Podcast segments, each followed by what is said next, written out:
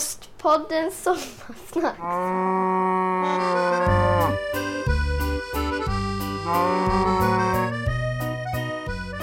Det här är Ostpoddens sommarsnacks och jag är Johan.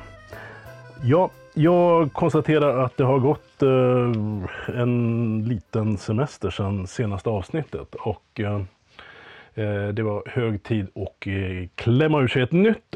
Och eh, i förra avsnittet pratade vi ju om kittost och jag hintade väl om att en kittost skulle få ett eget avsnitt. Så eh, det är väl eh, lika bra att vi eh, tar och avverkar den osten i det här avsnittet som en liten uppföljare. Och osten jag tänkte vi skulle prata lite mer om är Epoas. Eh, stavas S. En eh, kittost som kommer i två storlekar kan man väl säga. Eller den kommer i antingen en, en mindre variant som är mellan någonstans 250-300 gram, 350 kanske. Och en större variant som är någonstans mellan 700 och 1 kilo. Det är väl framför allt den mindre varianten man ser i Sverige. I alla fall som, som jag har sett i Sverige.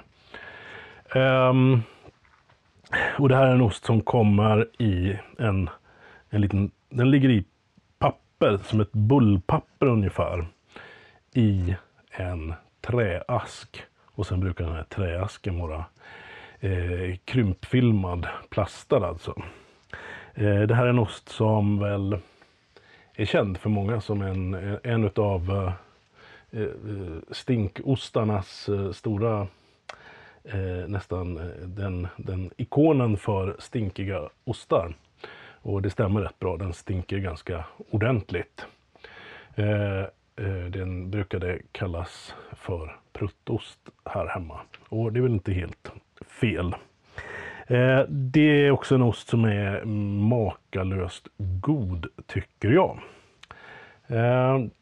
Samtidigt så utvecklas den ganska mycket. Får man tag i en eh, relativt ung epoas, och med ung skulle jag säga kanske 5-6 veckor, eh, då har den fortfarande den här eh, lilla kärnan i mitten, lite på samma sätt som en, en ung münster, som också är en annan kittost som, som utvecklas eh, väldigt mycket vartefter den mognar. Eh, men har en liten liten fast, ganska syrlig kärna. Eh, och sen så har den den här ganska kraftiga eh, fortfarande ytan då, på utsidan. Eh, och sen vart efter den här osten mognar så blir den mjukare och mjukare och eh, när den är ordentligt genommogen då eh, får man äta den med sked. Det går i princip inte. Jag har kört den på ostprovningar och man får, får skeda upp den eh, för folk att prova helt enkelt. Ehm, um, Epoas, en kittost. Vad är särskilt med den här osten? Vi pratade i förra avsnittet om att uh, det här med kitt är en, uh, att man tvättar osten med en bakteriekultur därav, som, som gör att osten blir lite kladdig och smetig på ytan. Uh, lite kittaktig alltså. Eh, och ehm, det man gör med Epoas det är att man inte bara har den här kittbakterien utan man använder också eh, Mar de Bourgogne eh, tvätta med. Antagligen har man gjort det för att eh, det var den sprit man hade tillgänglig eh, och ville hålla, när man ville hålla rent från dåliga bakterier. Sen fick man uppenbarligen den här kittbakterien kvar ändå. Eh, men jag tror inte riktigt man visste varför den blev kvar back in the day när man började göra den här osten.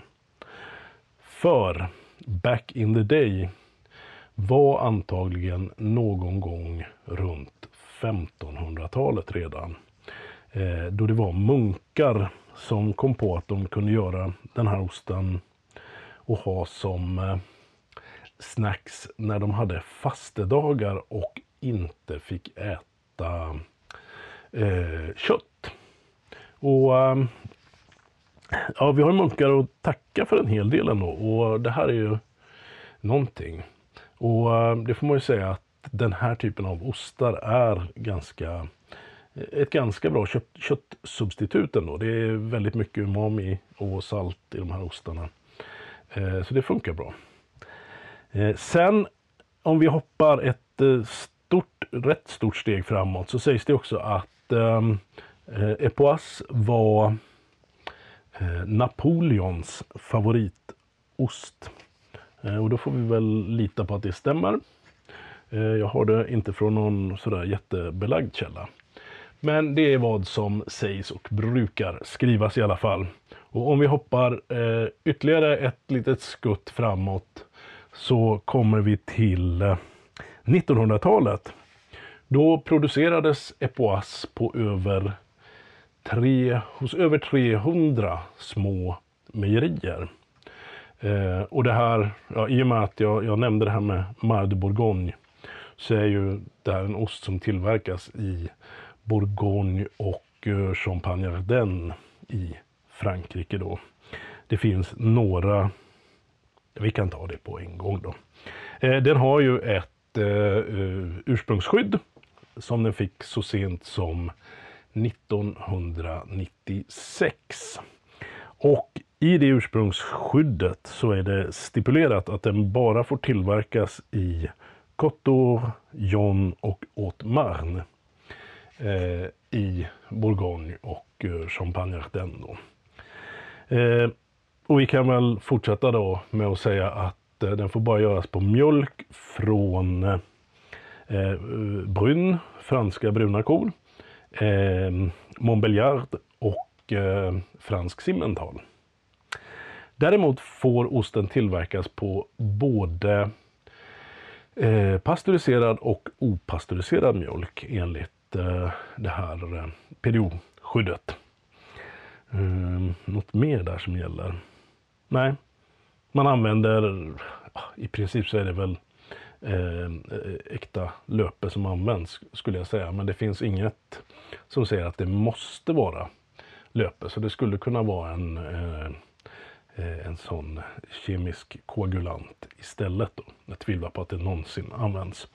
Eh, för det var nämligen så att eh, trots att det fanns 300 små mejerier då i början på 1900-talet så hade vi två världskrig eh, och Epoas dog ut. Den var helt borta eh, på 1950-talet efter krigen. Eh, det här tyckte två franska bröder, eh, Robert och Simon Berthaud, var trist. Så 1956 satte de igång att tillverka Epoas igen.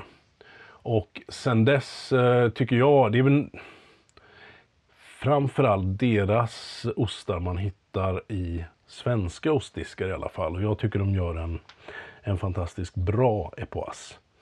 Jag har också för mig att eh, den görs på pasteuriserad mjölk. Vilket, ja, vilket är ett bevis på att det går att göra otroligt karaktärsfulla ostar även på pasteuriserad mjölk. Eh, vad har vi mer att säga? Epoas är också en ost som, som görs genom att man låter mjölken syra väldigt länge innan man börjar göra något annat egentligen med osten. Så att eh, mjölken kan få syra i upp till kanske säg 16, 15, 16 timmar innan man börjar eh, tillsätta någon koagulant löpet då. Och eh, så småningom skära ostmassan i ganska stora bitar, formsätta och sen låta den mogna i, eh, vad sa jag tidigare, typ sex veckor, där börjar man och sen så har den ju givetvis ett antal veckor på sig att mogna ut och mogna igenom. Mm.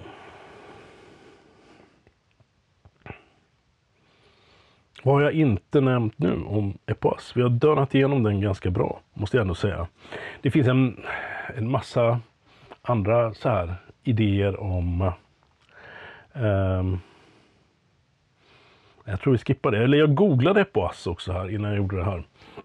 Och då dök det upp uh, eh, eh, någonting som, som sa att epoas var eh, bland det farligaste man kunde eh, stoppa i sig för att det var en ost som var fullpackad med eh, listeriabakterier och eh, annat eh, osunt. Så det lät som att eh, man var mer eller mindre död eh, om man ens tittade på den. Det stod också att det var illegalt att bära den på sig. Det kändes ungefär som likställt med narkotikainnehav. det stämmer inte. Däremot så har jag eh, hört sägas att det är förbjudet att ha epoas med sig på kollektiva transportmedel i Frankrike.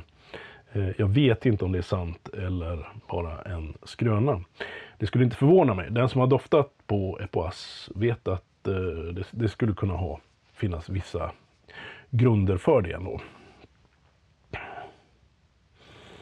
Hur ska man äta epoas?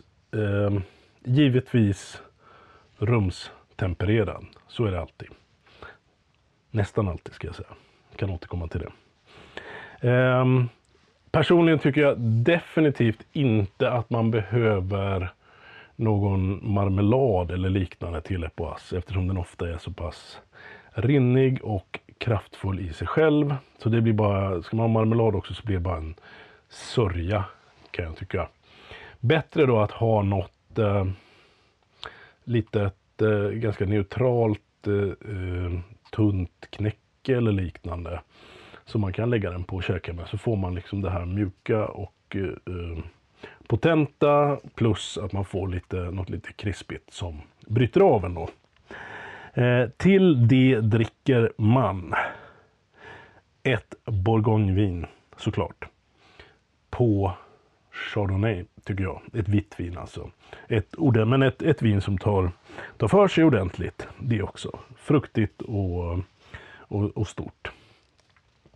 Finns de som tycker man kan dricka Pinot Noir till det här också? Jag själv skulle nog inte göra det. Men testa gärna. Som sagt, man, äh, inget är fel äh, när det gäller ost.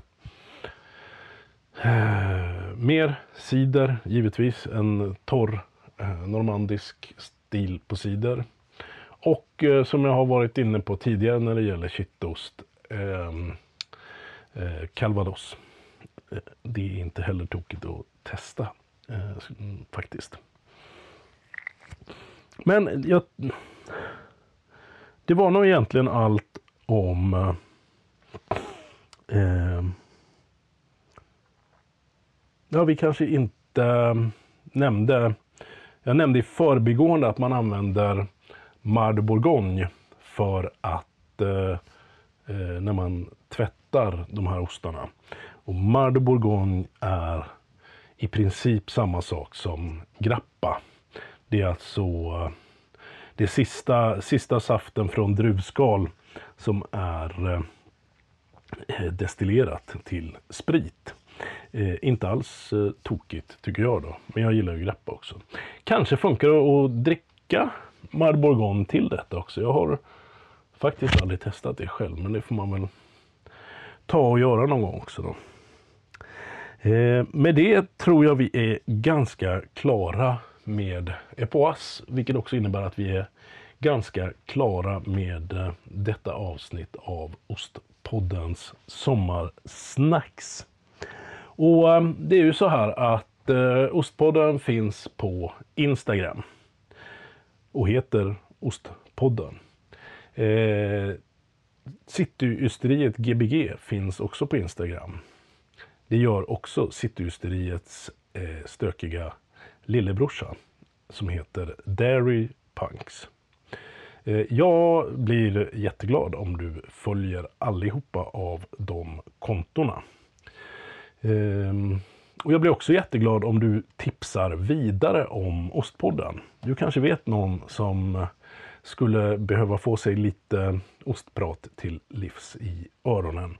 Det finns en hel del eh, gammal skåpmat som ändå kan vara eh, nyttig att eh, lyssna på om man är lite intresserad av ost. Så eh, ja, spread the word så blir jag jätteglad och eh, följ alla möjliga eh, Instagram-konton som jag nämnde tidigare.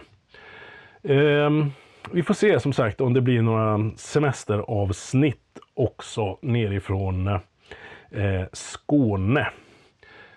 Men eh, för nu är det det här som gäller. Att eh, det här har varit Ostpodden. Du har varit eh, riktigt tapper. Dra ut och skaffa en Epoas nu. Och eh, tack för att du har lyssnat. Vi hörs eh, hyggligt snart igen.